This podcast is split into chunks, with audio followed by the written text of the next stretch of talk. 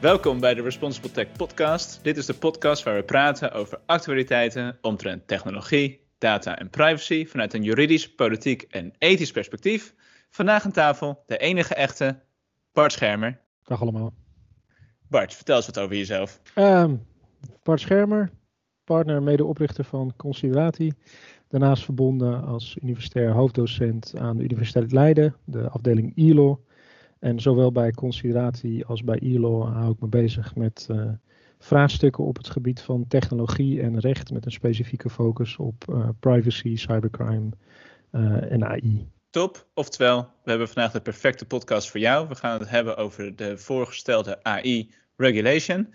Maar natuurlijk moet ik mijn lieflijke co-moderator ook aankondigen. De persoon die schitterende infographics maakt over AI regulation, Joost van Ham. Vandaag extra lieflijk. Extra lieflijk, dat is mooi. Dan hebben we echt een toppodcast. We zitten vandaag met wat technische problemen. Ik weet dat je dat niet moet zeggen tijdens de podcast waar het wel lukt. Maar goed, daar ga ik dan nu maar vanuit. We gaan door. Um, we gaan het vandaag vooral hebben over de voorgestelde AI regulation. Maar eerst wil ik het hebben over uh, Kamervragen die zijn gesteld naar aanleiding van een FD-artikel. En um, om het FD-artikel zeer kort samen te vatten. 130 grote bedrijven uit Nederland hebben bij uh, verzameld onder het CIO-platform een bekentenis gedaan dat zij zich niet of onvoldoende kunnen houden aan AVG-regels. En zij wijzen erop dat zij afhankelijk zijn van clouddiensten en softwareaanbieders die hen niet altijd in staat stellen de regels na te leven. Dat is in het. Uh, oh ja, en ze zeggen hun onderhandelingspositie tegenover leveranciers als Microsoft en Google en Amazon is onvoldoende sterk. En dat het um, zelfs de Nederlandse overheid uh, amper voor elkaar weet te krijgen om met Microsoft uh, het goed uit te onderhandelen hoe data wordt verwerkt binnen de software die ze leveren. En wij gaan doen alsof we Vert Grapperhaus zijn en kijken of wij de vragen die zijn gesteld aan hem kunnen beantwoorden. Wat vindt u ervan dat kosten en inspanningen om de AVG-wetgeving op te volgen volledig op het bord komen te liggen van Europese bedrijven. En ik gooi de volgende vraag ook meteen maar in. Uh, bent u het eens met de observatie dat Nederlandse bedrijven een te slechte onderhandelingspositie hebben tegenover Amerikaanse techgiganten? Ja, de, de, de vraag dat vindt u het onredelijk dat de kosten en inspanningen volledig op het Nederlandse bedrijfsleven rusten? Uh, nee, want dat is waar ze horen te rusten. Hè. Je, je bent verwerkingsverantwoordelijke en jij bent degene die uh, besluit om persoonsgegevens te verwerken en op uh, een bepaalde manier dat te doen met behulp van Amerikaanse dienstverleners of niet. Uh, en jij bent verantwoordelijk als, als primaire normadressaat, als verwerkingsverantwoordelijk in de AVG voor het naleven van de regels en het dragen van de kosten die daarbij horen. Dus nee, dat is niet onredelijk. tegelijkertijd is het natuurlijk wel een probleem dat die Amerikaanse partijen, daar zijn wij als Europeanen met, met, met handen en voeten afhankelijk van. Dus je hebt inderdaad een slechte onderhandelingspositie als gemiddeld Europees uh, of Nederlands bedrijf en zelfs als Nederlandse of Europese overheid. Uh, als het aankomt om uh, zaken te doen met Microsoft, zodat zij zich aan de regels houden waar jij aan onderworpen bent. Hè? Want dat is aan het eind van de dag natuurlijk het vraagstuk. Is, um, de verwerkingsverantwoordelijke moet een bepaald niveau van beveiliging halen. Of moet kunnen uitsluiten dat anderen die persoonsgegevens gaan gebruiken of daar kennis van nemen. Um, dat is wat we in Europa hebben afgesproken. Dat is niet noodzakelijkerwijs wat in uh, de VS is afgesproken of in China is afgesproken. Dus dat maakt het heel lastig. Als ik de minister zou zijn, dan zou ik zeggen van ik ga me in Europees verband inspannen om gezamenlijk uh, dit aan de orde te stellen en met die partijen te gaan praten. Want alleen als op Europees niveau wordt besloten van joh, Apple, Microsoft, Amazon, voordat je hier op de Europese markt komt, moet je minstens dit, dit en dit hebben uitgezet ja, dat ga je niet anders doen dan met z'n allen. En als individueel bedrijf is dat kansloos. Ja, hiermee uh, ben je al aan het voorsorteren op de volgende vraag. Deelt u de mening dat de wetgever, op, uh, dat de wetgever oproept om alleen toegang te verlenen aan de Europese markt als softwarebedrijven de AVG-eisen naleven? Uh, en zo nee, waarom niet? Ja, het, het, het, ik vind het een hele lastige, want het is helemaal afhankelijk van wat je doet met persoonsgegevens en welke Amerikaanse partij of Chinese partij of wat dan ook je daarvoor inzet. Hè. Kijk, voor de meeste verwerking van persoonsgegevens is het helemaal geen issue als Microsoft bijvoorbeeld met een uh, crash uh, inzicht krijgt in het geheugen en daar zit misschien een persoonsgegeven tussen. Dat, dat is allemaal niet zo heel spannend. Het is wel spannend op het moment dat daar misschien bijzondere persoonsgegevens in zitten of uh, staatsgeheime informatie. Kijk, dan wordt het een ander verhaal. Uh, dus zeg maar vooraf proberen de, aan de poort van Europa die diensten dicht te timmeren, dat heeft denk ik weinig zin, omdat het zo afhankelijk is van de toepassing, wat er dan moet gebeuren en hoe dat dan moet gebeuren. Dus het, ligt met name in, in het concrete gebruik. En zo'n Nederlandse of Europese partij moet dat soort afspraken maken met Microsoft. Maar ja, daar is die onderhandelingspositie niet goed genoeg. Dus dan kan je twee dingen doen. Dan kan je zeggen van ja, we willen dat die Amerikaanse partijen zich aanpassen en uh, importbeperkingen of iets dergelijks. Of je kan naar alternatieven zoeken. Hè. Die zitten in de open source community. Maar ja, vaak toch niet met de functionaliteit of de schaalbaarheid of de support die je hebt bij een uh, Microsoft of een Amazon. En het andere alternatief is gewoon Europese techpartijen stimuleren. Hè. Dus dat je ook kan zeggen, nou Microsoft, als jij dit niet wil, weet je wat, dan gaan we toch naar SAP toe of dan gaan we toch naar uh, een ander Europees bedrijf toe. En dat is er gewoon niet. Dus het is ook heel makkelijk voor Microsoft en andere partijen om te zeggen van nou, accepteer maar hoe wij het doen. Want wij zijn een, een multinational, we gaan niet uitzonderingen maken voor elke partij of elk land ja, zonder echte concurrentie is dat natuurlijk vrij makkelijk. Ja, ja. want zou bijvoorbeeld zo'n initiatief als, als Gaia X, ehm, wat eigenlijk een, als ik het goed begrijp, een soort van Europese cloud standaard uh, uh, ontwikkelt waar je um, bij aan kunt sluiten. Dat is natuurlijk een manier om eigenlijk een soort van Europees cloud product te ontwikkelen, wat um, zeg maar voordat de, de verantwoordelijke zijn eigen, eigen doel en data en zo en uh, daaraan koppelt waar al die eisen uitkomen in de AVG, in ieder geval in de basis al, al heel compliant, uh, compliant is. Dat is natuurlijk, dat is een manier. En precies wat je zegt, um, kijk, kleine lokale supermarkten die op een gegeven moment niet meer um, um, bij, met de groothandel uh, afspraken konden maken die goed voor hen waren, die hebben zich ook verenigd in coöperaties en nou ja, daar komt de co-op vandaan. Ja, um, dat is natuurlijk een manier hoe je als, als kleine speler uh, uh, toch iets meer nou ja, macht in die onderhandeling kunt hebben. Maar het is, het is heel gek toch om te, het over AVG vereisten van cloud providers te hebben eigenlijk. Omdat de eisen van de AVG gaan over degene die data, persoonsgegevens voor een bepaald doel en middel inzet. Ja. Dus dat, dat, het past niet echt. Ik heb ook een beetje het gevoel dat we een soort van marktmacht mededingingsprobleem, een soort van via de privacywet nu, of zeg maar de, daar iets mee proberen op te lossen. Terwijl eigenlijk is het gewoon een economisch probleem. Er is behoefte aan een product en dat product bestaat nog niet. Of in ieder geval mm -hmm. niet in de, op die manier zoals hij er is. Dus ja. Ja, ik snap, ik snap heel goed dat um, wanneer je als partij uh, inziet dat inderdaad dit probleem of dit vacuüm er is, dan ga je proberen um, de wetgeving die je kent of waar je het dichtstbij staat, om die natuurlijk aan te grijpen om verandering uh, proberen te bewerkstelligen. Ik kan me heel goed voorstellen met hoe jong de AVG nog is, dat mensen denken, nou ja, dan zit hier misschien ook nog wel kans in om hier uh, eerder verandering in te krijgen dan um, met, um, ja, weet ik veel, met, uh, ik ben enorm niet, uh, enorm niet thuis in um, competition law en hoe monopolie werken en tussen het spel, maar goed, daarmee kan ik nog steeds helemaal niets zeggen hierover. dus ja, ik zou ook dit kunnen aangrijpen. Hier, ik denk ook op deze manier hierover na, dat ik, ja, deze partijen hebben eigenlijk uh, hoeven niet aan te passen aan ons. Ik heb genoeg uh, uh, klanten die ook met de handen in het haar zitten van ja, ik heb deze tool nodig. Ik, ik weet geen alternatief. Of het is echt een super kleine speler die eigenlijk niet kan voldoen aan, um, aan ja, de dienst die dit bedrijf eigenlijk wil. Dus dan voelen ze zich toch ja. gedwongen om naar die Amerikaanse partij toe te gaan. Omdat die wel bijvoorbeeld, weet ik veel, Mailchimp met weet hoeveel uh, e-mailadressen tegelijkertijd mails kan uh, versturen, et cetera. En dat er dan geen goed alternatief uh, voor blijkt te zijn. Ik, ja, ik snap het wel. Ja, en kijk, het ding is ook een beetje dat je moet je ook verplaatsen in, in zo'n Amerikaanse multinational. Hè. Dat, dat zijn hele grote bedrijven die specifieke processen en procedures hebben en regels hebben en het zoveel mogelijk willen standaardiseren en globaal uitrollen. En uh, dan komt de gemeente Leiden-dorp en die zegt van... joh, ik heb ook nog wel een paar vereisten en kun je mijn verwerkersovereenkomst tekenen? Ja, dat gaat gewoon niet gebeuren, want dat is niet, niet schaalbaar en niet haalbaar voor zo'n partij. Dus je wil eigenlijk mm -hmm. misschien inderdaad in het concept van Joas zeggen van... je wil iets van een co-op, uh, waarbij uh, bij wijze van spreken alle Nederlandse gemeenten zeggen van... Microsoft komt bij ons de deur niet meer in of Amazon, daar gaan we niks meer hosten... als dit, dit en dit niet is geregeld. Nou, nog steeds de vraag of Microsoft daar dan heel erg wakker van ligt. Maar goed, hè. laten we eruit gaan dat je dan in ieder geval hoger in de keten bij die, bij die techpartijen, dat daar besluiten genomen gaan worden.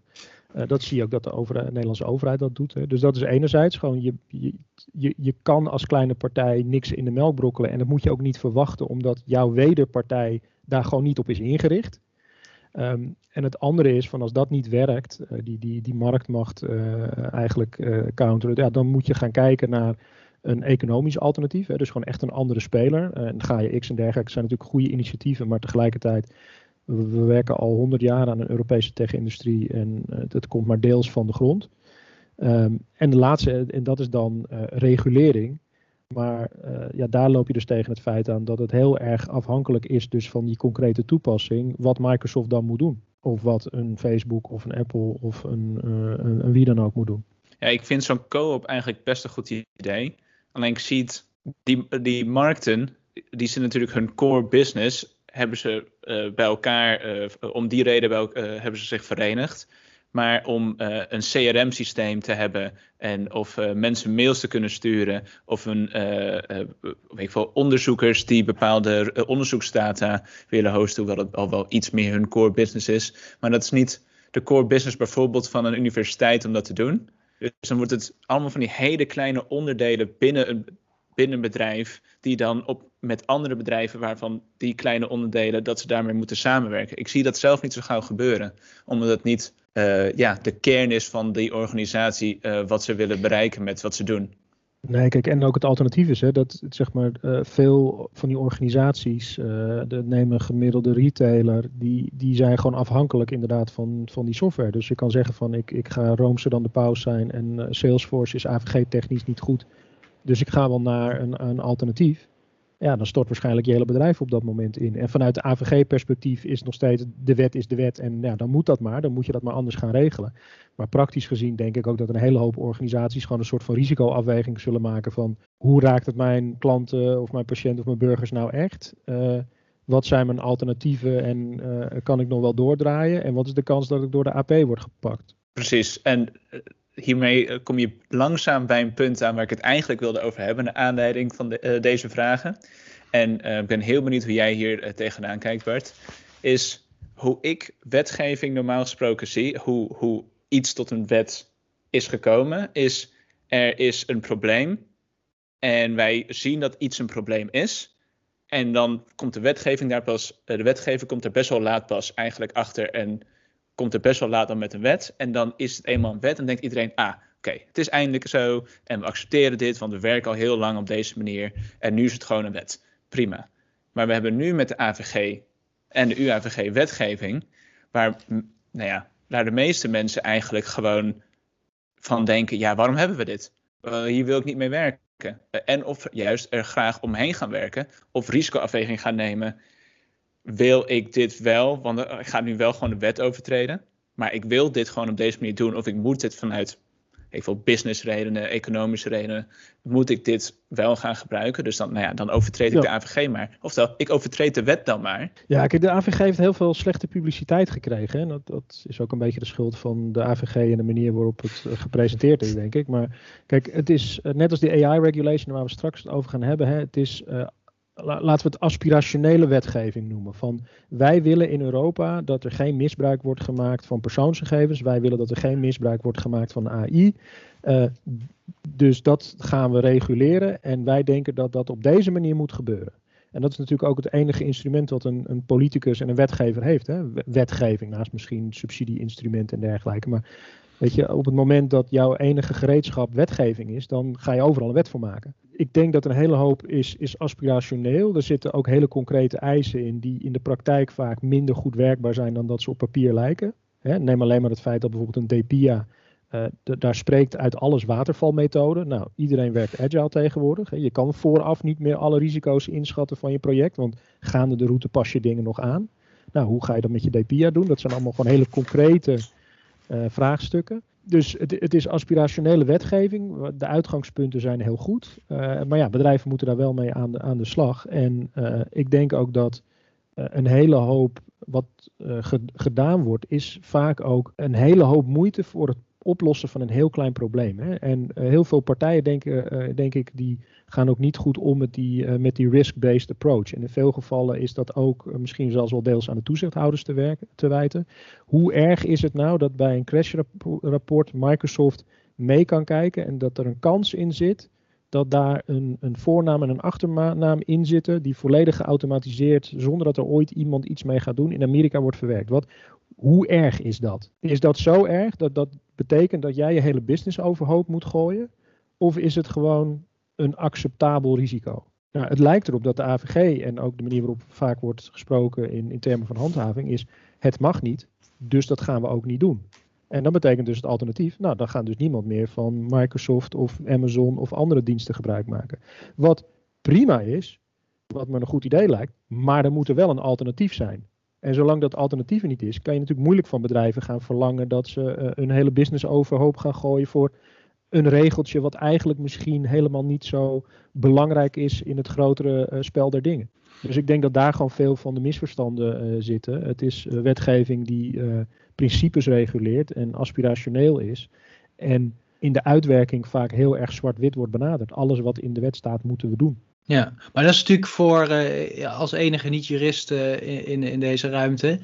Dat is natuurlijk voor heel veel mensen moeilijk te begrijpen. Daar ontstaat allerlei uh, verwachtingsproblemen. Omdat ik denk dat alles wat in de wet staat, dat moet je je gewoon aan houden. Punt. Ja, en dat, dat, dat zou ook zo zijn. En de wet is de wet en daar moet je ook aan houden. Dat is, ik ben de laatste die dat zou ontkennen als, als jurist zijnde. maar het, het, het, het, misschien het probleem, maar ook de kracht van de AVG is, is dat het principle-based is. Dus het is gebaseerd op uitgangspunten en principes. En nergens staat in de wet je moet dit of je moet dat doen in het kader van deze en deze verwerking. Dat moet je allemaal zelf verzinnen als verwerkingsverantwoordelijke. En daar komt ook die risk-based approach vandaan. Je moet uh, de risico's zien in relatie tot wat, wat die verwerking is. Dus als jij voor een soort van theoretisch risico dat er een persoonsgegeven in de VS verwerkt wordt, je hele business omvergooit, ja, dat is niet wat de AVG van je verlangt of zou moeten verlangen, denk ik. Maar, daar waar het echt om is, als je zegt van nou, weet je, we gaan onze patiëntgegevens in de cloud stoppen en die die staat uh, in Amerika of die staat in Europa, maar de Amerikanen kunnen daarbij, ja, dan wordt het een ander verhaal. En dan moet je inderdaad zeggen, ja, sorry ziekenhuis, misschien is Microsoft uh, of uh, Amazon of Salesforce niet de oplossing voor jou. Maar zeg je dan eigenlijk ook dat um, die bedrijven eigenlijk nog op een wat volwassenere manier moeten gaan nadenken over wat hun verplichtingen in de AVG zijn. Dat daar ook een ontwikkeling kan plaatsvinden van, nou ja, in het begin gewoon de letter van de wet proberen te volgen en daar vervolgens soort van ownership in te nemen, eh, zelf te durven bepalen wat risico's zijn en dan dus ook zelf concluderen wat nodig is. Want er, eigenlijk zit er dus heel veel um, eigen verantwoordelijkheid bij bedrijven om die principes in te vullen naar hun eigen context. Maar dat moet je dan, dat is wel een soort van werkwoord. Je kunt dan niet, je kunt, moet dan niet de houding innemen. Het is zwart-wit, dus we doen het niet. En daardoor is het heel moeilijk en daardoor kan het nooit.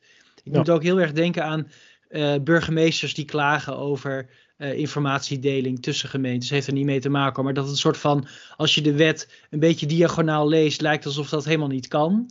Terwijl als je um, de doelstelling van de AVG begrijpt, kun je bijna beredeneren dat er wel een mogelijkheid moet zijn dat als weet burgemeesters het in de publieke veiligheid nodig vinden om informatie te delen, dat dat kan. Dus het is ook misschien, misschien wel een, een, een vraag terug aan de CIO's. Wat zouden jullie zelf goed vinden? Um, ja. uh, laag, een laag genoeg risico vinden. En, en hoe belangrijk is het voor jou? Hè? Kijk, het is uh, ook een klein beetje flauw natuurlijk om te zeggen van ik moet aan de wet voldoen. Ik kies een Amerikaanse partij, uh, die wil niet aan de wet voldoen en dan is het hun schuld.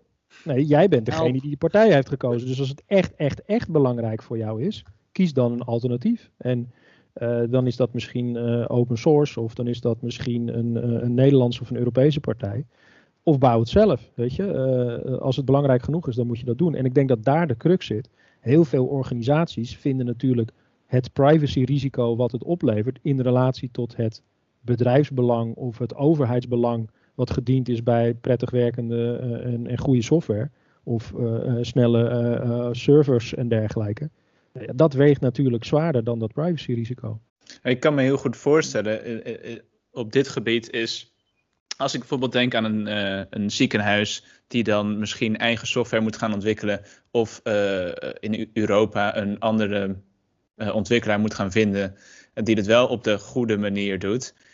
Op dit moment hebben de meeste bedrijven daar gewoon helemaal geen budget voor omdat het budget oorspronkelijk voor zaken zoals Microsoft relatief laag uh, hoeft te zijn. Want die kosten zijn gewoon relatief laag. En nu zouden ze dat echt moeten, nou ja, meer dan vertienvoudigen waarschijnlijk om iets zelf te moeten gaan ontwikkelen of iets anders uh, te gaan zoeken. Ja, kijk, en dat is, dat is natuurlijk ook wel waar uh, Europa en ook Nederland eigenlijk niet helemaal consequent zijn. Hè? Want we zeggen, we stellen hele uh, goede en aspirationele uh, regels op. Van dit is hoe wij ethisch verwerken en ethisch gebruik van data en technologie zien in Europa. Maar vervolgens worden daar niet blijkbaar de randvoorwaarden gecreëerd of de mogelijkheden gemaakt om ook Europees dat te gaan opbouwen en gaan, gaan uitrollen. En het is een beetje hypocriet. Ik heb wel in het verleden wel eens gezegd tegen een, tegen een Europarlementariër. Ja, van die was aan het klagen over dat de, de surveillance van de Amerikanen en de Chinezen op onze Europese telefoontjes. Ja, ik zeg, je moet niet gek opkijken dat als jij je telefoons laat maken in China en daar Amerikaanse software op zet en dat verkocht wordt aan Europese consumenten, dat die twee partijen mee gaan kijken. Ja, dat is, dat, dat, dat is eigenlijk nogal wiedes. Dat is gewoon geopolitiek. Zo werkt dat nou eenmaal helaas. En je zou dus eigenlijk moeten zeggen van kijk, als Europa die regels wil stellen, dan moet ze ook hard zijn richting die, uh, die toepassers. En dat is eigenlijk dat verhaal van wat in het begin werd gezegd van die, die, die soort van die importbeperkingen. Van elke software, ongeacht het privacyrisico, komt niet Europa binnen of mag niet worden gebruikt in Europa. Uh, als het niet aan deze en deze uh, kenmerken voldoet. Maar zover wil Europa niet gaan. Want ook met dat hele Schrems gebeuren. Die, die iPhone van ons die had natuurlijk al lang al op zwart moeten gaan. Als wij zo principieel zijn over, over data naar de VS, nou, laten we dan maar gewoon meteen stoppen met de iPhone en laten we maar stoppen met social media. Want die data gaat daar toch heen, die Amerikanen kunnen daar toch bij. Dus, uh, en die ultieme trigger die wil Europa niet overhalen, hè, want dat is gewoon economisch uh, en, en denk ik ook maatschappelijk gewoon ontwrichtend. Mm -hmm. um, en daardoor wordt de bal nu als het ware dan bij het bedrijfsleven gelegd. Van ja, gaan jullie dan maar proberen te onderhandelen. En die, die roep van, vanuit het bedrijfsleven, die snap ik wel. Dat die zeggen van ja, maar wij kunnen er niet zoveel mee. Ja, precies. Oké. Eigenlijk, ja. Dus de, het voelt ook een beetje alsof het, het gewoon nog niet helemaal doordacht of af was.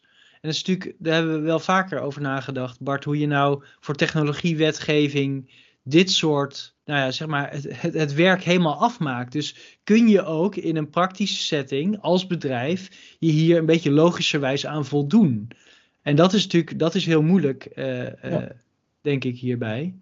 En mm -hmm. ja, het ligt dus ook volgens mij niet bij één partij. Hè? Dus uh, zeg maar, de, de, de wetgever kan helpen, de wetgever kan stimuleren dat er alternatieven zijn. Uh, de, de verantwoordelijke kan misschien zelf wat meer ownership nemen voor wat hij onder zijn verantwoordelijkheid laat gebeuren. En misschien kunnen die grote aanbieders ook wel een beetje helpen natuurlijk. En ik denk dat er best wel prikkels zijn te vinden waarom ze dat gaan doen.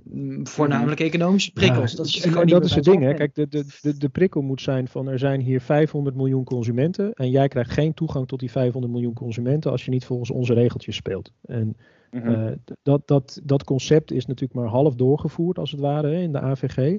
Uh, en de bal wordt nu gelegd bij al die individuele Europese partijtjes die daar eigenlijk niks aan te onderhandelen hebben. Ja. Uh, maar goed, hè, dat is wat we hebben afgesproken met elkaar. Dus in die zin moeten bedrijven uh, en, en, overheden zich daar ook aan houden. Hè. En ik denk ook zeker daar waar het echt, echt spannend wordt. Als je echt principieel bent over de privacybescherming van je, je consumenten of je burgers of je klanten, dan ga je een alternatief zoeken. Dat, dat is een beetje dan de flauwe weer, flauwe weer van het bedrijfsleven is aan de ene kant wordt gezegd wij respecteren. respecteren we value. We value your privacy en uh, we houden ons aan de AVG. En ondertussen is het ja, maar we gaan wel Amerikaanse bedrijven gebruiken die daar wel een loopje mee nemen. Want ja, anders wordt het heel duur om iets anders te regelen. Ja, om het over die grote ja. aanbieders te hebben en ze niet al te veel, uh, nou, misschien toch een kleine hak te zetten. Uh, wat deze maand ook gebeurd is met grote tech-aanbieders, met 500 miljoen gebruikers, is dat ehm, ja, bij Facebook zijn de gegevens van 530 miljoen gebruikers gelekt. Uh, LinkedIn, uh, dat was ook eerst 500 miljoen gebruikers. Dat is nu, blijkt 827 miljoen gebruikers te zijn. Het wordt nooit minder, hè? Het wordt, nee, nooit, wordt nooit minder. Nee. En uh, Clubhouse, um, waarschijnlijk ook vanwege de relatieve, relatieve nieuwigheid nog van Clubhouse, slechts een schamele 1,3 miljoen gebruikers hun gegevens gelekt. En ik doe het tussen aanleidingstekens, want zij zei het daar zelf niet mee eens. LinkedIn zegt ook dus, this is actually an aggregation of data from a number of websites and companies. No private member account data from LinkedIn was included in what we've been able to review. Hoewel er wel duidelijk persoonsgegevens in dat databestand, beschikbaar waren van LinkedIn-gebruikers. En uh, Clubhouse zegt dat dit misleading en false is. Data is all public profile information which anyone can access. Natuurlijk is, zijn de, de, logische vragen: is dit een datalek in uh, de ogen van uh, de AVG? En zouden ze eigenlijk wel melding hiervan moeten maken? Ja, dat zijn moeilijke juridische vragen om uh, te, te, te, beantwoorden.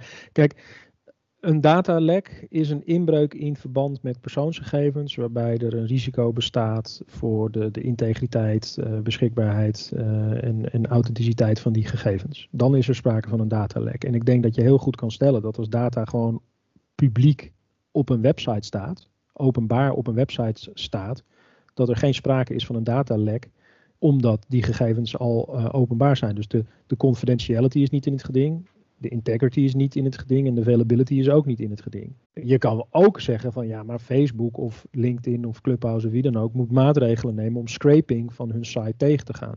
Alleen het is even de vraag in hoeverre het technisch mogelijk is om een site te beschermen tegen uh, het scrapen van buitenaf.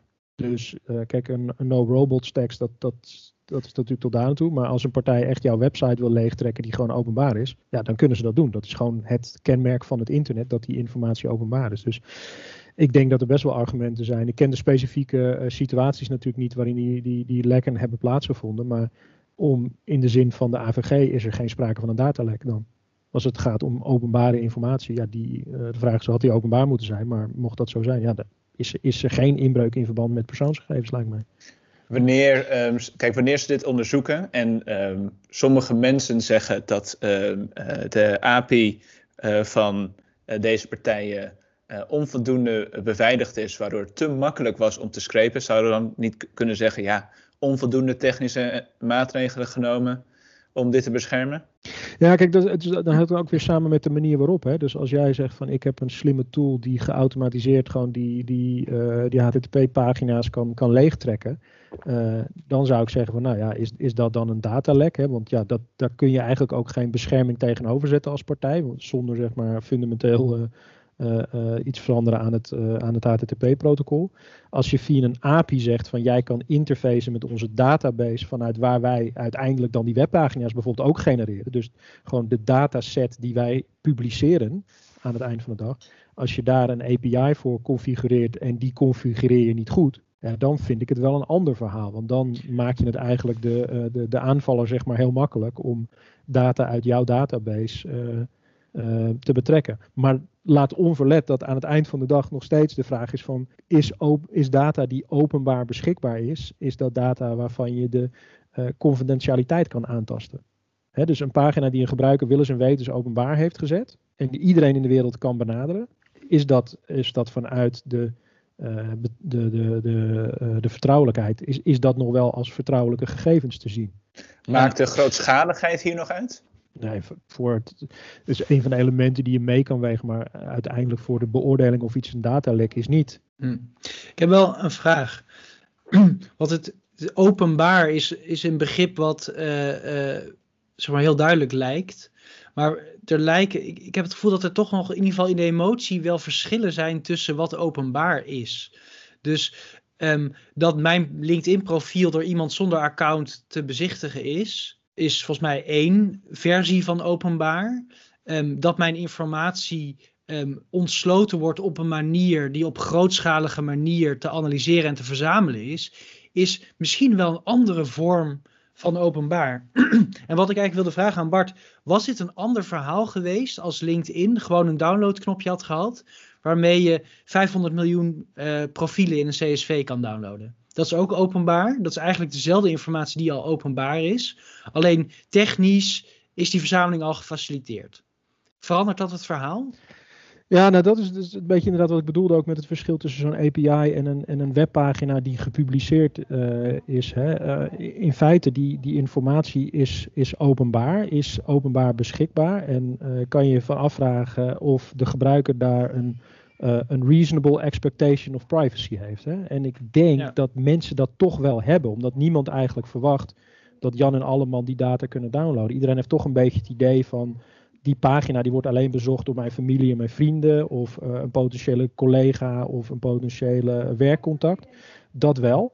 Uh, maar niet uh, dat iedereen die dat wil kan downloaden. Dat is ook de hele discussie met bijvoorbeeld de Kamer van Koophandel. Je verwacht niet dat als jij geregistreerd bent bij de Kamer van Koophandel, dat jouw data gekocht wordt door een databroker die dat gaat doorverkopen aan een telemarketeer die jou gaat bellen of je niet geïnteresseerd bent in een energievergelijker. Hè, dat voelt anders. Alleen het concept van uh, het, het, de inbreuk in verband met persoonsgegevens, de data breach, dat is eigenlijk de achterliggende gedachte daarbij, uh, zoals ik hem vind in ieder geval in de wetgeving, is het op een juiste wijze beveiligen van persoonsgegevens die jou zijn toevertrouwd door betrokkenen. En op het moment dat je dat niet geregeld hebt, dat je dan uh, een, een, probleem hebt met die beveiliging en er dus persoonsgegevens de, de, de, veiligheid, uh, de, de, de, open, de, de, de betrouwbaarheid, integriteit en met name dus de vertrouwelijkheid, de confidentialiteit, dat dat in het geding is. Ja, dan moet je stappen nemen, dan moet je mensen gaan uh, informeren. Dus er spelen eigenlijk twee dingen. De, de, de, de gedachte is van, die, uh, van de data breach uh, wetgeving en, en dus daarmee ook artikel 32 van de AVG is dat eigenlijk om goede beveiliging te stimuleren en als die doorbroken is te zorgen dat mensen geïnformeerd worden en de toezichthouder geïnformeerd kan worden zodat die weet wat de staat van de beveiliging is van persoonsgegevens in de wereld of in Nederland of Europa. Niet per se is, is mijn optiek het beschermen van gegevens die niet beveiligd zijn, die openbaar zijn. Dan zit je ja. veel meer in, had je ze überhaupt openbaar mogen maken? Uh, en is de verwerking daarvan rechtmatig? Maar ja, gevoelsmatig, en ik denk ook wel in de praktijk, is natuurlijk wel wat je zegt van een downloadknop voor 500 miljoen accounts of een verkeerd geconfigureerde API.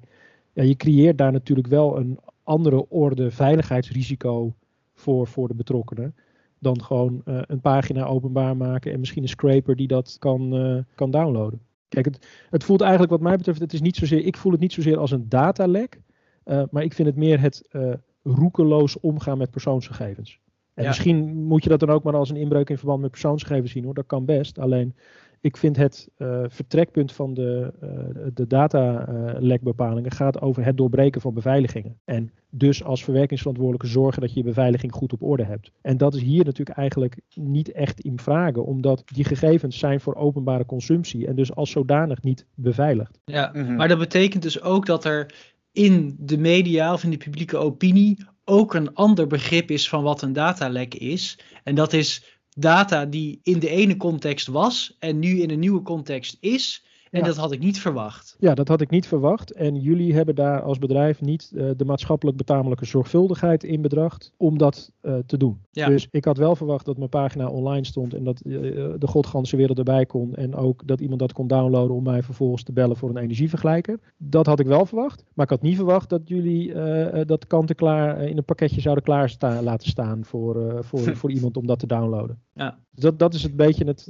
gevoelsmatig voor mij het het verschil er, uh, ertussen. Aan het eind van de dag is het natuurlijk, het resultaat is hetzelfde. Je bent in feite roekeloos omgegaan met die gegevens. En of dat nou een datalek is of niet, je hebt wat uit te leggen. Mm-hmm. Ik vind het wel ja. mooi uh, verwoord, uh, roekeloos. Zo ja. voelt het inderdaad wel een beetje. Ik wil, ja, zeker um... in het geval van Clubhouse.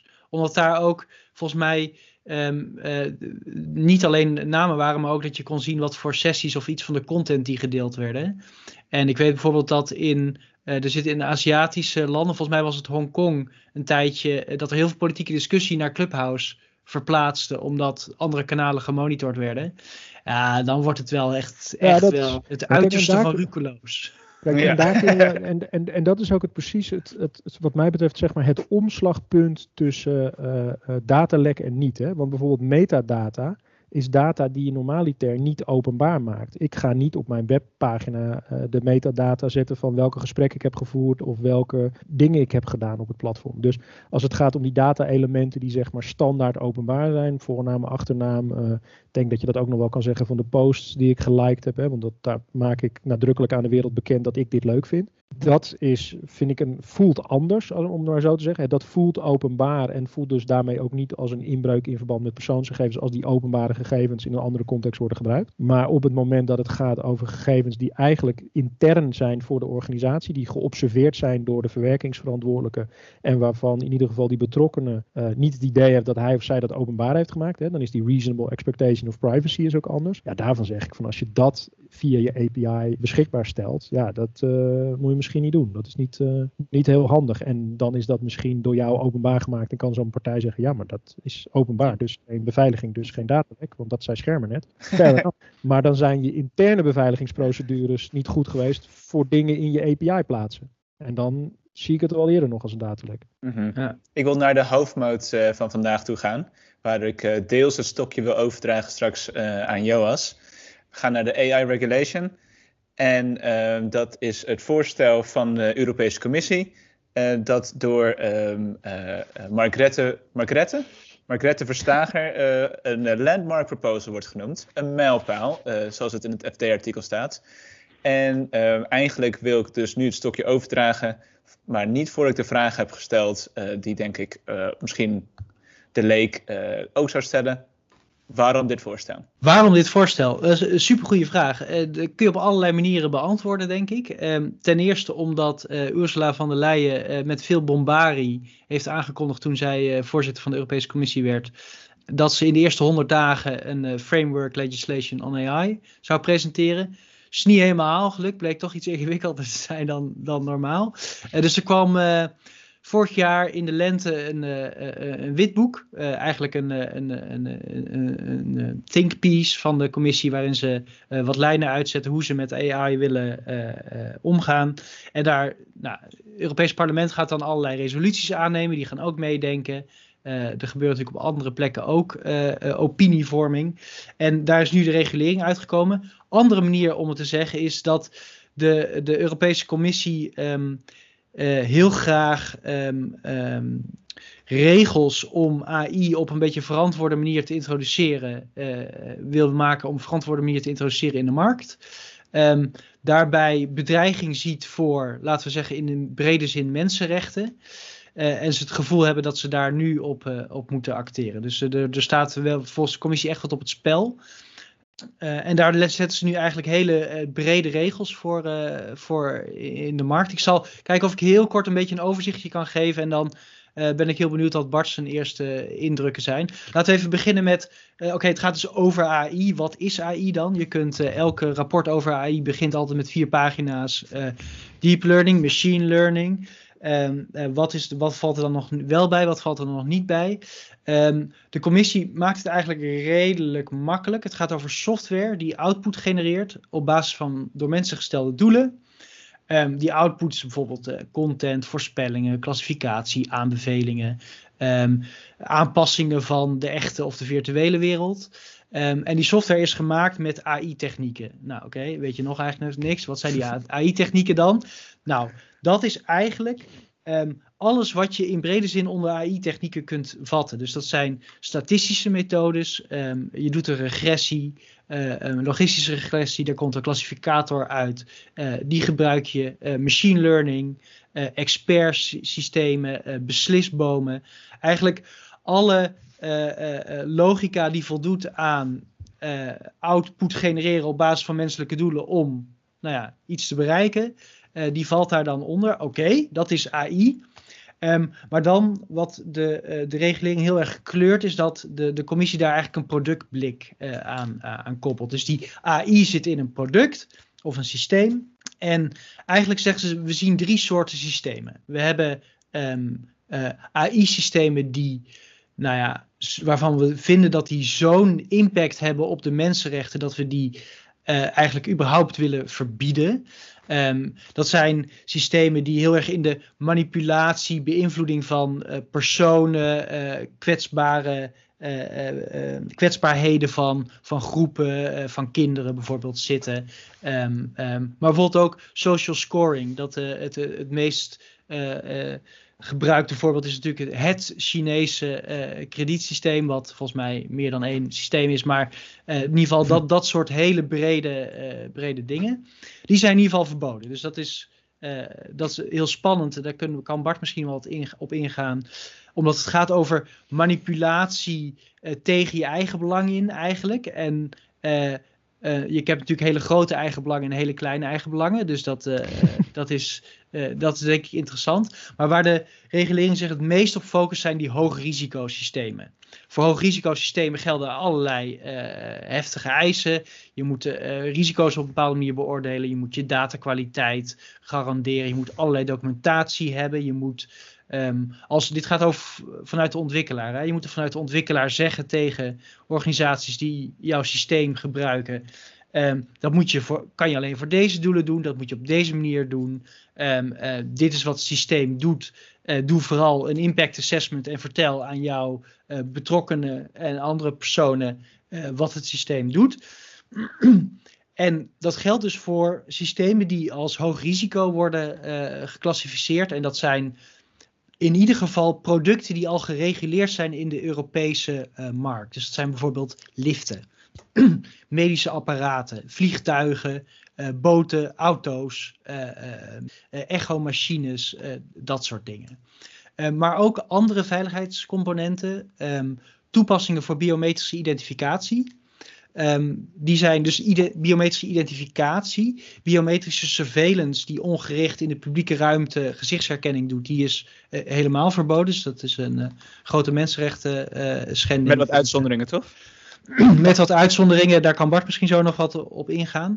maar dus andere hoogrisicosystemen, biometrische identificatie. Wat ik heel interessant vind, um, toepassingen um, die selectie en beoordeling doen in de HR-sfeer. Dus um, um, assessment van uh, uh, uh, nieuwe bij vacatures, ontsluiten van vacatures aan bepaalde mensen, maar ook bijvoorbeeld beoordelingen van je, van je medewerkers vallen daaronder. En dat geldt ook voor uh, onderwijsorganisaties. dus um, automatische fraudedetectie, um, um, selectie van studenten uh, voor een bepaalde studie, uh, een beetje die hoek. En dan ook nog een categorie toegang tot essentiële diensten. En essentiële diensten is eigenlijk de brede zin. Dus dat zijn dingen waar je als mens uh, die als mensen noodzakelijk zijn om in je, in je, in je levens, uh, leven te voorzien. Dus bijvoorbeeld toegang tot een lening. Dus uh, kredietbeoordelingen zijn ook hoog risico. Maar ook toegang tot sociale zekerheid. dat soort dingen. En dan nog allerlei domeinen binnen de overheid. Dus de rechtsketen, um, asiel, hulpdiensten. Um, systemen die bijvoorbeeld politieagenten naar een bepaalde plek laten, laten gaan of, of een ambulance uitsturen. Dat zijn hoogrisicosystemen. En dan heb je nog eigenlijk heel veel andere AI-systemen die helemaal geen hoog risico hebben. Die zijn ook helemaal, helemaal geen impact op, uh, uh, op, op, op rechten van mensen. Of in ieder geval niet zoveel. En daarvan zegt de commissie: oké, dan moeten um, uh, mensen in ieder geval weten dat ze in aanraking zijn met een AI-systeem als dat gebeurt. Dus als je bijvoorbeeld een chatbot hebt, moet je weten dat het een chatbot is. Tenzij dat super duidelijk is. Dus als jij een, een robot tegenkomt in een gang die jou aanspreekt, hoeft hij niet te zeggen: Ik ben een robot. Dat is wel duidelijk. um, en wat bijvoorbeeld ook uh, interessant is, dat um, um, dus niet alleen interactie met een AI-systeem, maar ook een systeem dat jouw emotie detecteert. Dat vind ik heel spannend, want op het moment dat je het gevoel hebt dat iemand jouw emotie gaat detecteren, volgens mij heeft dat wel, nou ja, in ieder geval zou bij mij impact hebben op het gedrag. Ja, dat ga ik eens heel braaf doen. Um, en uh, als laatste nog interessant, is natuurlijk ook de afgelopen jaren best wel veel over deepfakes gehad. Um, um, daarvan moet nu ook gemeld worden dat uh, media gemanipuleerd is. Uh, dus dat moet, je, dat moet, dat moet, moet gezegd worden. moet iedereen dus dat, dat doen? Ook voor huishoudelijk gebruik? Dat is een hele goede vraag. Ik denk het niet.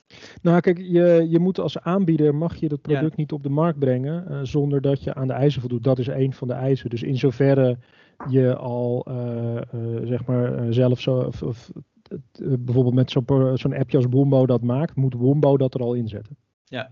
Maar als jij Ja. zelf voor eigen gebruik een deepfake algoritme ontwikkelt op je zolderkamer, dan is Nou ja, kijk, het gaat markt? over het, het, het plaatsen op de markt. Hè? Of het, eh, en dat, dat is één, en dat is echt met een, met een commercieel doel. Dan kun je zeggen, nou, dan is huishoudelijk gebruik eh, uitgesloten. Ehm, ehm, maar eh, putting into service is ook het criterium eh, wat gehanteerd wordt in die wetgeving. En ja, in feite Mhm. kan je zeggen, als jij zelf iets bouwt en je zet het online, dan heb je het daarmee dus into service geput.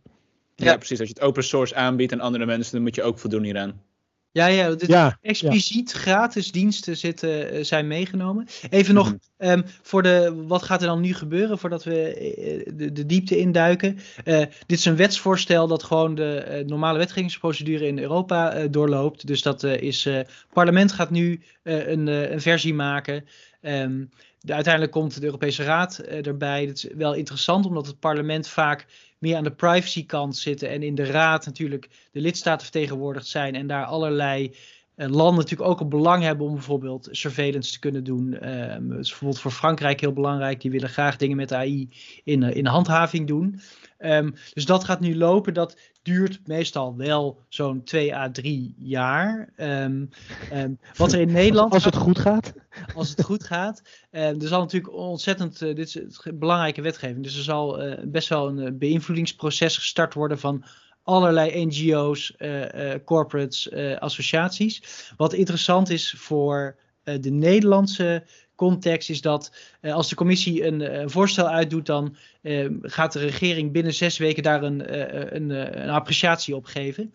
Dus over zes weken weet de Tweede Kamer en wij dus ook ehm, wat de Nederlandse positie wordt op dit, op dit voorstel. En dat is natuurlijk dat is heel interessant, omdat er economische belangen zijn, maar dus ook ehm, nou ja, statelijke belangen. Ehm, er zijn een aantal uitzonderingen voor, voor publiek gebruik van AI, maar daar is het laatste nog niet mee gezegd. Wat wel, wat dat betreft interessant is, dat alle militaire eh, toepassingen eh, buiten, eh, buiten scope vallen. En dat is natuurlijk iets wat bijvoorbeeld in de verkiezingsprogramma's ook al werd genoemd. werd ook al positie ingenomen op autonome wapens bijvoorbeeld. En wat natuurlijk in de mensenrechtensfeer nog wel een hele interessante discussie is. Maar die, die wordt er nu, niet buiten gelaten. Dat is de, de wet in een, in een notendop. Ehm, Bart, je, hebt, eh, eh, je werd geïnterviewd door een aantal, aantal media, onder andere het FD. Wat was jouw Mhm. eerste reactie eh, toen je dit las? Ja, toen ik de regulation zag, dacht ik, uitgangspunten goed. Manier om het aan te vliegen ook wel goed, denk ik. Moet ik langer over nadenken, maar denk ook wel goed. Uitvoerbaarheid, poeh. Gaat wel wat, eh, wat komen. Nou, kijk, wat, wat het uitgangspunt eigenlijk van de wet is, hè, dat, de, ook zeg maar de vraag eh, van, van, van Kawing aan, aan het begin van waarom hebben we die AI-regulation? Eigenlijk is het zo dat computers gaan steeds ingrijpender beslissingen nemen over mensen en maken daar heel veel fouten in. Eh, en die fouten komen meestal door mensen die dat hebben gemaakt. En eh, we willen geen, eh, we willen niet dat die algoritmen rare dingen doen. Dus bijvoorbeeld het, het mutant algorithm in, de onderwijs, in het onderwijs in het VK, waar Boris Johnson zei toen zeg maar allemaal studenten op oneigenlijke gronden door een algoritme werden geweigerd voor een universiteit. Ja, dit is een mutant algorithm. Ja, daarvan zegt de EU, wij willen geen mutant algorithms. Hè? Dus er moeten eisen worden gesteld aan de toepassing en aan eh, de manier waarop die toepassing wordt gemaakt. Ik vind dat heel goed, hè? dus dat eh, de EU gewoon een soort van morele streep in het zand zet van dit vinden wij gewoon acceptabel, dit is niet verenigbaar met eh, de normen en waarden van de Unie hè, en het, het handvest van grondrechten. Dus die verboden toepassingen die Joas noemde, ik vind dat heel goed. De lijst lijkt me niet compleet. er moet vast meer bij. Er, misschien moet er wat af. Daar gaat heel veel lobby de komende jaren over ontstaan, wat er op die lijst komt.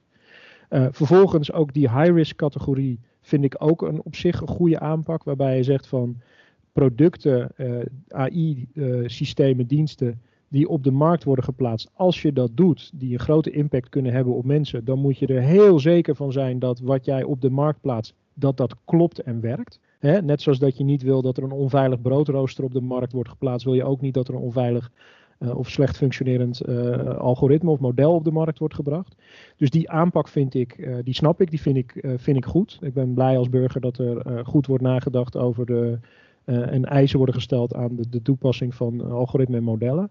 en, maar dan kom je bij de, met name de, de, de uitvoerbaarheid en ook de handhaafbaarheid. En ook mogelijk effecten hè, in termen van, van op de economie en op innovatie. Is ze hebben gekozen voor uh, hetzelfde systeem eigenlijk als bij die producten die Joost noemde. Hè. Dus de, de, de, de vliegtuigonderdelen, de liften, het speelgoed enzovoorts. Dus daar moet een CE-keurmerk op. Dus dat betekent voordat jij een product op de markt plaatst in Europa, bijvoorbeeld een, een stuk speelgoed moet jij een conformiteitstoets doorlopen. Dus jij moet aan laten tonen en voor uh, die producten uh, die Joas net noemde, uh, wordt dat gedaan door een derde partij, dus door, als het ware door de toezichthouder. Die gaat controleren of wat jij hebt gemaakt en hoe de manier waarop jij dat product tot stand laat komen, of dat volgens de regelen der kunst is gegaan. En dat product dus veilig op de markt kan worden gebracht. Als dat zo is, dan krijg je een CE-keurmerk en dan pas mag je de Europese markt op met je product. Nou, dat gaat dus ook voor AI gelden. Jij mag niet een high-risk AI-systeem op de markt brengen als je niet zo'n ex-ante toets hebt gedaan, zo'n ex-ante conformity assessment. Voor de, uh, de zogenaamde Annex 2 uh, high-risk systemen, dus dat zijn de eerder genoemde uh, liften, medische apparaten enzovoorts, moet dat gebeuren door een derde partij.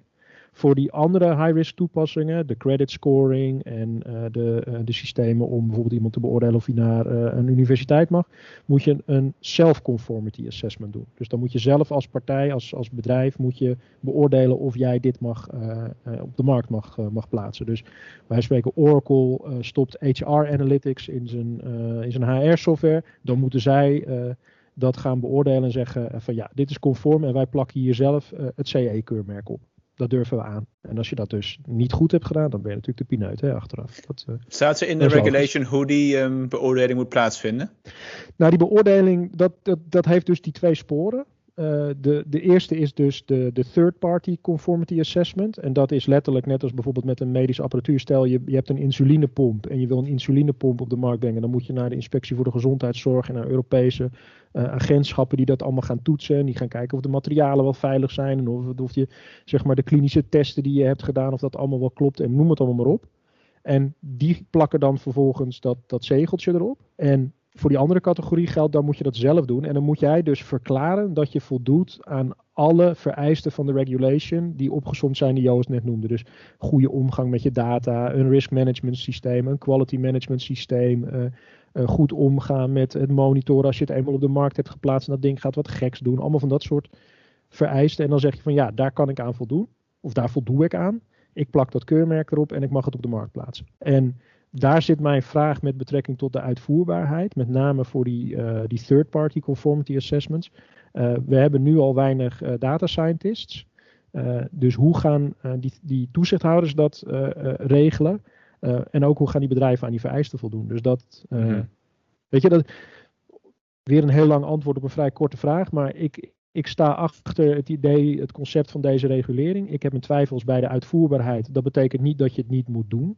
Maar uh, ik zou elke organisatie, elk bedrijf uh, adviseren om nu alvast goed voor te sorteren op deze regulation. Want als je zeg maar zes maanden, net als bij de AVG, nog eens achter het idee komt van, oh, 25 mei 2018 moet ik aan de privacywet voldoen. Nou, als je dat ook met die AI-regulation gaat doen, dan ga je waarschijnlijk niet de mensen vinden die je daarbij kunnen helpen. Nee, en wat ik, wat ik heel interessant vind als je kijkt naar die vereisten. We, wij volgen natuurlijk dit, uh, dit debat al een tijdje en hebben er ook al best wel over nagedacht. Wat er nou, welke elementen je nou zou uh, willen laten terugkomen in zo'n in zo'n wet. En daar is eigenlijk best wel heel veel zit erin. Dus als je zo een beetje alle prominente stemmen hebt gehoord de afgelopen jaren. Um, het loggen van besluiten die van invloed zijn op het, op het uiteindelijke systeem. Um, heel goed zorgen dat je data ook echt passend is voor de toepassing uh, waarvoor je hem gebruikt. Um, dingen ook niet gebruiken waar ze niet voor bedoeld zijn. Um, en daar dan documentatie en, governance omheen. Dat vind ik wel, wel heel interessant. Ik, qua, met die, over die voorbereiding. Een van de dingen is dus dat je uh, alle besluiten die van invloed zijn vastlegt. Dus als je nu bezig bent met RD, daar kunnen dingen in besloten worden die je waarvan je de, de redenering bent vergeten, maar die je over vijf jaar in een conformity assessment moet kunnen uitleggen. Ja. Um, dus je, je, je, moet gewoon, je moet gewoon beginnen, inderdaad. En er zijn ook wel. Het zit heel erg in hoe richt je nou je, je, nou, je ops in, dus hoe je ontwikkelproces in. En hoe structureer je dat? En ik denk dat los van de uh, dat, dat het misschien een wettelijk vereiste wordt, het ook wel de volwassenheid van heel veel data science projecten naar een hoog niveau gaat tillen. Dus dat, dat is heel mooi. Maar dat betekent dus ook dat dat wel getild moet worden. Dus daar zit inderdaad heel veel nou, werk in om gestructureerd te werken, dingen te registreren. Zoals Bart net zegt, er wordt ook verwacht dat je een, een post-market monitoring system, vind ik een prachtig woord, uh, optuigt, waarin je dus nou ja, op de een manier antennes uit hebt staan, laat ik het maar zo plat beschrijven, dat je nieuwe risico's tegenkomt die je nog niet hebt gezien. En als je die ziet, dan zitten er allemaal verplichtingen aan. Die moet je uh, doorgeven aan de gebruiker als provider, dus aan de organisatie die je algoritme inzet, maar ook aan de toezichthouder. Um, het is nog maar weer eens de bevestiging dat AI gebruiken helemaal niet zoveel uh, met losse handen is. Dat is eigenlijk heel veel organiseren en managen om te kunnen garanderen dat dat dus op een, nou ja, een beetje betrouwbare manier uh, uh, gebeurt. En dat vind, ik, dat vind ik persoonlijk wel heel mooi. Je ziet wel dat de mhm. commissie geluisterd heeft naar heel veel zorgen. Um, ik denk dat het nu inderdaad zaak is om weer te zorgen dat die balans gevonden wordt tussen zorgen en werkbaarheid. Want laten we even reflecteren op het eerste onderwerp van vandaag.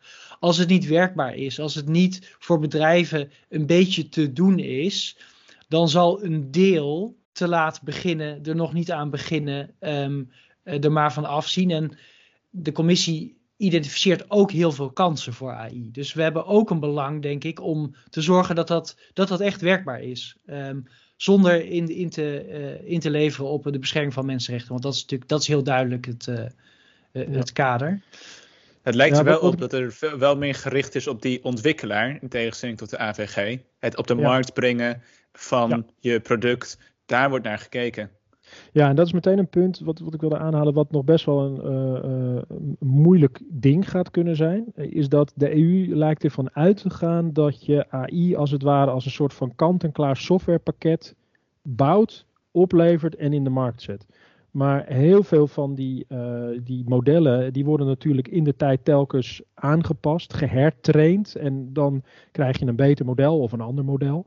En de vraag is of zo'n iteratief proces van het aanpassen van je model, of dat wel past bij die productaanpak. Hè? Want bij een productaanpak is het heel logisch van, uh, weet je, je, hebt, uh, je gaat naar de markt toe met een product, hè? dus met die insulinepomp bij wijze van spreken. Dan heb je een heel ontwikkeltraject en in dat ontwikkeltraject ga je ook die conformity assessment ga je doorlopen. En dat is ook je belang als aanbieder om een product op de markt te krijgen. In de, in de regulation wordt een, aan, uit, een, zeg maar splits gemaakt tussen een provider en een user. Dus provider, de aanbieder maakt het pakketje, de user past het toe. En de provider moet allemaal dingen uitleggen aan de user over hoe die dat goed toepast. Maar in heel veel gevallen zijn die rollen zijn natuurlijk versmolten met elkaar. Dus als ik bijvoorbeeld een overheidsinstantie ben die in-house een, uh, een, een risicomodel bouw voor fraudedetectie in toeslagen, ik noem maar wat. Ben ik dan een provider van AI of ben ik een user van AI? Nou, ik ben waarschijnlijk dus allebei, want ik put it into service. Dat is best wel een ruime, ruime definitie. Uh, maar ik ben natuurlijk niet echt een aanbieder die een product op de markt zet. Dus als ik die conformity assessment doe, in dit geval die self-conformity assessment, en vervolgens tweak ik later in de route drie, vier parameters. Moet ik nu opnieuw een conformity assessment doen? Of kan ik volstaan met mijn bestaande conformity assessment en uh, registratie bij de EU? Weet je, dat zijn allemaal hele praktische uitvoeringsvragen die in de komende maanden, jaren uh, hopelijk beantwoord gaan worden. Want dat heeft best wel een impact op de, uh, de mogelijkheden om AI toe te passen. Ook voor wat Joas noemt uh, goede dingen. Ik had, ik had het lef om op Twitter te zeggen van dit kan innovatie wel eens belemmeren. Dan krijg je meteen allemaal mensen die zeggen ja, maar dit is allemaal innovatie waar we toch niet op zitten te wachten. Hè, dus slechte innovatie. Ja, fair enough, weet je. Ik ben ook niet voor slechte AI en slechte modellen. Maar als zeg maar door bijvoorbeeld zo'n conformity assessment een heel belangrijk medisch eh, apparaat twee jaar langer op goedkeuring moet wachten. Dat is ook niet wat we willen. Mm dus we moeten het uh, allemaal ja. wel heel. Dat, er zijn heel hoge ambities nu geschapen. En ik denk dat dat goed is, want het, is, het gaat niet over uh, uh, zeg maar chipjes. Het gaat echt over grote belangrijke dingen. Maar dan moeten we dan wel kunnen waarmaken. En dat is, dat is wel iets waar ik denk van, nou, begin nu maar met uh, het uitbreiden van je AI-opleidingen. Begin nu maar met het inrichten van wat Joost inderdaad zei, je, je machine learning ops als organisatie. Want als dit er is, dan, uh, ja, ja. gaat er wel een hele hoop op mensen afkomen. Denk je dat het, uh, is het, is het een oversight geweest van de commissie of is het gewoon een hele bewuste keuze geweest om dat zelflerende, veranderen, dynamische aspect eigenlijk gewoon in te kaderen? Te zeggen, dat vinden we gewoon een, een te groot risico. Ja, goede vraag. We, zou ik niet durven zeggen op basis van, van de, uh, de regulation. Hè. En er wordt ook wel over, zeg maar, doorlerende systemen wordt er wel kort, uh, kort gesproken. Uh, en we moeten ook niet uit het oog verliezen dat dit niet enig is. Hè. Dus we hebben nu deze AI-regulation. Daarbovenop heb je natuurlijk nog de AVG als het gaat over persoonsgegevens. Hè. Dus als je dan mm -hmm. doet mhm. aan die geautomatiseerde, geautomatiseerde besluitvorming, waaronder begrepen profilering zonder menselijke tussenkomst dan moet je ook aan die regels voldoen. Naast de AI-regulation zelf, die meer eigenlijk, ja, hoe zeg je dat, uh, een soort van organisatorisch van aard is over het, het goed ontwikkelen en goed toepassen van AI. Ja, mocht, dit, um, mocht dit vandaag van toepassing worden verklaard, alle systemen die nu al, waar al mee gewerkt wordt, wat moet daarmee gaan gebeuren?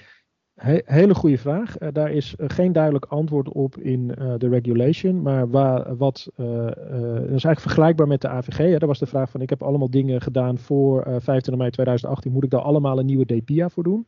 Ik denk dat het antwoord op die vraag voor de AI regulation nee is. Maar alles wat je op de markt hebt staan, zeg maar, per dat de regulation van toepassing is en kwalificeert als een high-risk AI-systeem, moet zo'n CE-keur krijgen. Dus hmm. waar ik een beetje bang voor ben, is dat er een soort van enorm aanvankelijk stuur, stuurmeer van aanvragen komt. Zeker voor die third-party assessments.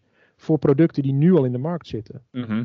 want er zit al AI waarschijnlijk in liften. En uh, ja, liften die misschien kunnen balanceren waar en wanneer ze heen moeten. Of uh, voor vliegtuigonderdelen of speelgoed of whatever. Auto's. Ja, dus uh, nou ja, Tesla is een goed voorbeeld. Hè. Moet mhm. Tesla nu een soort van CE-keurmerk voor autopilot krijgen? Of zit dat in de bestaande type goedkeuring die je hebt bij de RDW? Ik, ik, ik weet dat niet, want ik zit niet zo goed in die autoscene.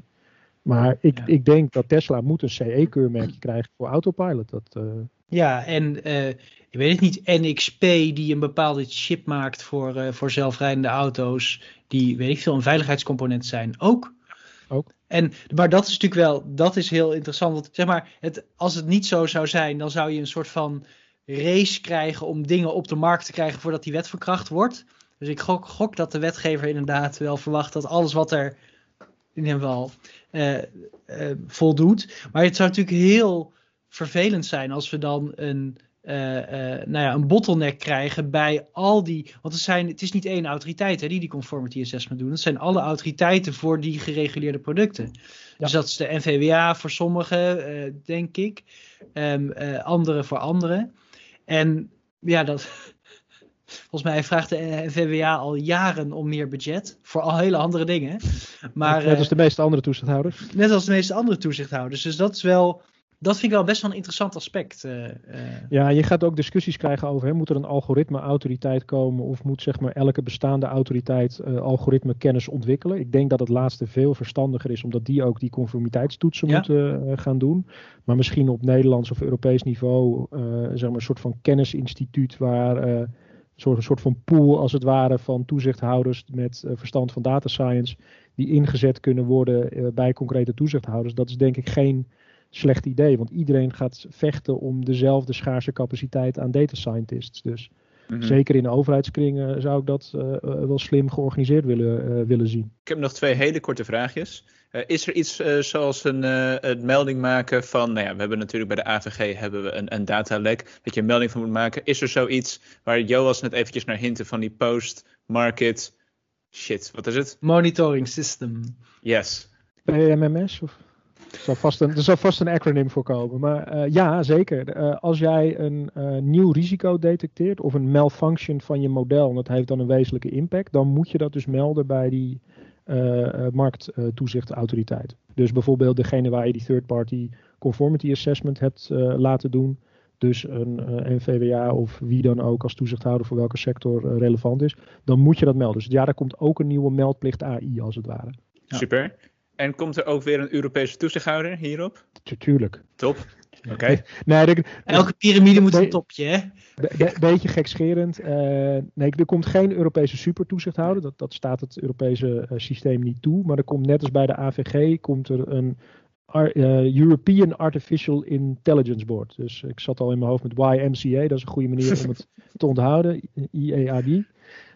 Dat gaat er komen. En dat is een beetje de, de nationale toezichthouders, de commissie en één afgevaardigde van de European Data Protection Supervisor. Die zeg maar de, de uniforme uitleg van de regulering bewaken, best practices delen, werken aan codes of conduct, standaardisatie, dat soort uh, dingen. Maar er komt niet een soort van Europese superautoriteit, dat niet. Oké. Is er een one-stop-shop mechanisme? Poeh, dat is een hele goede vraag. Je moet aansluiten bij, uh, je, je, je, moet aansluiten bij bestaande nationale uh, autoriteiten voor die, uh, voor die goedkeuring. Dat, dat, dat zit er eigenlijk als het ware automatisch in. En er is niet zoiets als een zeg maar, grensoverschrijdend effect dat bij wijze van spreken als jouw AI-toepassing in Duitsland een probleem veroorzaakt. Uh, dat dan uh, de Nederlandse toezichthouder als eerste competent is of de Duitse. Dat uh, heb ik in ieder geval nog niet. Ik heb er dan niet in detail naar gekeken. Maar die, die markt is gewoon op een andere manier gereguleerd via die nationale toezichthouders. Oké. Ja, ja dat, volgens mij is dit het geval van de gewoon weer heel duidelijke eengemaakte markt hebben. Dus als je goedgekeurd bent in het ene land, ben je het ook in ja. het andere land. Al weet ik toevallig dat het voor voertuigen dan weer niet altijd zo is. Ehm, dat er ook dat je op een lager, dat je alleen van, nou ja, dat rijdt weer te ver. Ja, kijk, en dat, dat zit ook in die annex, zit, uh, dat annex 2 zitten al die uh, richtlijnen en verordeningen voor al die producten van de EU. Hè, en die heb ik de afgelopen drie, vier dagen voor me uitgeschoven, zodat ik niet ook al die uh, richtlijnen en verordeningen hoef te bekijken. Maar daar gaat het om. Dus je moet kijken als er een concreet probleem is met AI, moet je eerst kijken in, voor die, die, die high-risk systemen, die dus die gereguleerde producten zijn. Wat is de regeling daarvoor binnen dat juridische kader? Omdat die AI-regulation maar één klein aspectje daarvan regelt, namelijk van je moet ook je AI laten toetsen. Maar de regels zoals die gelden in die specifieke wetgeving met betrekking tot marktregulering en toezicht en, en one-stop shops, dat blijft die wetgeving. We gaan ver over de tijd heen, maar ik heb toch nog één aller, aller, allerlaatste vraag. Wat gebeurt er vanaf nu? Lobby. Heel veel lobby. Nee, wat, wat gaat gebeuren is nu dus wat Joas al vertelde. Hè, die, die twee sporen. Uh, uh, Europese, Europese Commissie heeft nu zijn eigen gelegd. Dus het Europees Parlement gaat hierover onderhandelen met elkaar en tot een gemeenschappelijk standpunt komen. De Europese Raad gaat datzelfde doen. En die twee instituten die gaan als een bezetene belobbyd worden. Wat gaat er gebeuren? Er gaan allerlei partijen zijn die vinden dat hun toepassing, die nu high risk is of verboden is, toch niet high risk of verboden is. En er gaan allerlei partijen zijn die zeggen van wat daarin staat, die lijst is te kort. Hè? Dus de burgerrechtenorganisaties hebben aangegeven, wij willen gewoon een totaalverbod op biometrische identificatie. Punt. Uh, niet alleen voor deze specifieke kenmerken en deze specifieke uitzonderingen. Dus van allebei kanten gaat er op gelobbyd worden. En ik gok met name dus op die lijsten. Ik denk dat het systeem van die, die, die uh, conformity assessments en ook de, de, gewoon de praktische eisen die aan je inrichting van je AI worden gesteld, daar heb ik niet zo heel erg veel commentaar op gehoord. Maar het is met name, ik vind dat dit niet high risk is. Ik vind dat dat juist high risk moet zijn. Ja. Daar, daar en, gaat denk ik de, de lobby over.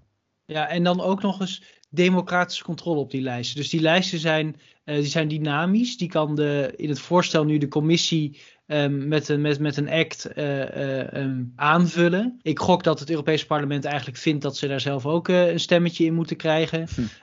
nou ja, dus de, en, de, en dan ik gok dat de lidstaten dan weer belang zien dat er niet buiten hun macht om door het Europees parlement toepassingen die zij graag willen gebruiken verboden worden verklaard of hoog risico worden verklaard. Ja. Um, dus er zit, echt, er zit echt aan alle kanten uh, gewoon hele interessante aspecten. En we gaan dat gewoon de komende jaren, uh, denk ik, uh, volgen. En zullen daar regelmatig op terugkomen ook. Ja, want dit, dit nog laatste, dan kunnen we, uh, kunnen we afsluiten hoor. Dan beloof ik dat ik mijn mond ga houden. Maar uh, dit, dit, raakt niet zeg maar alleen private partijen. Hè? Dus de, de, de, de HR analytics en credit scoring en dat soort toestanden. Uh, het raakt ook heel dicht aan de nationale veiligheid. Met name dus de, de law enforcement kant. Hè? Dus er worden hele strenge eisen gesteld aan ook algoritmes die door de politie worden ontwikkeld. dus die gaan vast ook vinden dat een, uh, het doorzoeken van uh, een telefoontje en het koppelen met andere databases, dat, dat, uh, dat er andere regels voor moeten zijn voor hen dan voor het bedrijfsleven geldt. Dus zowel aan de overheidskant als aan de bedrijfslevenkant zijn de belangen zijn enorm. en daarom gaat die, die, die lobby die gaat, die gaat flink zijn, dat, dat verwacht ik wel. Ja, drie, vier, vijf jaar? Ja, ja. vier. vier. Oké. Okay. Ik hoop wat sneller. Ik hoop het ook. Ik wil altijd conformity assessments doen. Lijkt me leuk. Ja, ik, ik hoop ook zo, maar mijn probleem, ik heb de e-privacy verordening, daar geef ik oh, ongeveer sinds volgens mij 2012 cursussen over. En dan zeg ik telkens van, ja, volgend jaar is het En dat is dan tien jaar al niet het geval bijna. Dus uh, ja, schade en schande wijs. Nog wel interessant om uh, misschien dat we uh, aan het einde van de vergadering de volgende plannen. Nee, om Bart een keer uit te nodigen om de interactie met de AVG te bespreken. Want ik, daar zitten, je noemde net al, die gaat daar boven. Volgens mij zijn er een aantal andere interessante, onder andere transparantie. Um, die deed PIA's en zo. Volgens mij zitten daar ook een paar leuke stukjes in. Um, en dan komen we bij uh, het allerlaatste onderdeel, Bart. waarschijnlijk een onderdeel waar je nog niets van gehoord hebt, maar dat is de privacy toto. Um, ja. En dat is Joas en ik versus het soepie. Helaas is het Soepie vandaag maar één man sterk. Uh, maar goed, dat zij zo. Dus het staat nu nog officieel 1-1. En uh, even kijken, en een vraag van deze maand. Uh, maar ik heb eventjes gekeken naar um, de frequentie dat Aleid Wolfse privacyblogs schrijft. En um, zijn privacyblogs... Google, hè, Joost? Nee, nee, dat kan ik nu vertellen hoor. De privacyblogs frequentie is zo'n beetje om de 2, 3, 4 maanden. Nu de AI regulation voorstelling is gepubliceerd, dacht ik, oh ja, de laatste keer was, ik pak hem even erbij, de laatste keer was volgens mij uh, februari of januari. De kans is best wel groot. de site van de AP eraf bij hoor. Joost heeft de site nee, van de AP eraf. Ik heb, mijn, ik heb mijn losse handen.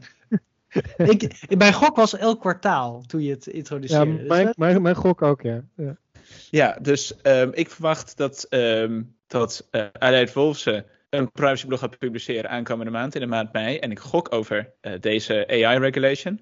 Maar eigenlijk is dus uh, dit wetje uh, in tweevoud. A. Komt Aleid Wolfsen met een privacyblog.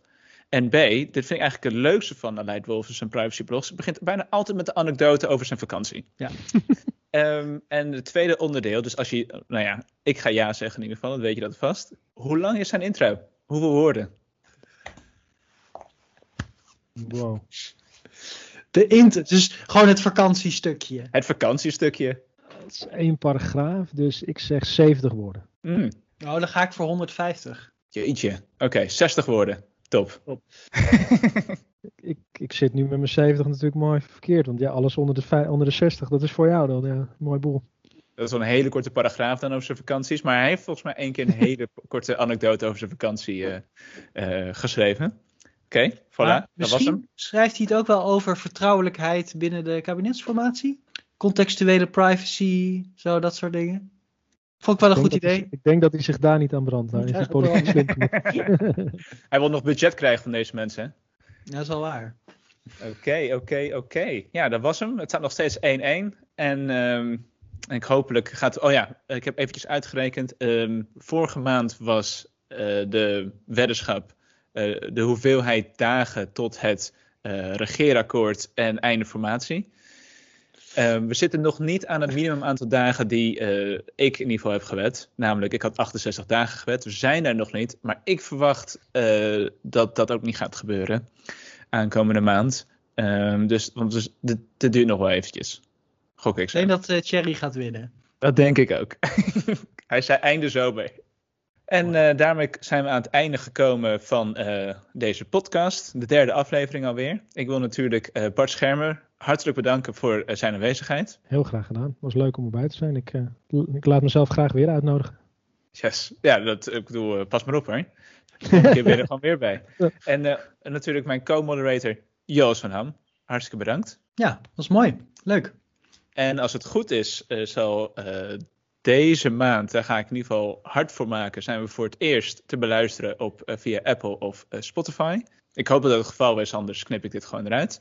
En anders zijn we natuurlijk te zien en te luisteren via YouTube en uh, Soundcloud. Maar ik ga ervan uit dat dat gaat lukken en dat, we, en, dat we daar de middelen voor krijgen. Dat komt helemaal goed. Ik hoop dat deze Teams opname ook goed is. Ik hoop het ook. Zo. en anders was het gewoon heel gezellig. Anders was het gewoon echt heel leuk. We hebben echt leuk, leuk gepraat en van elkaar geleerd. Heel erg bedankt voor het luisteren. Heel erg bedankt voor het kijken. En uh, tot de volgende maand.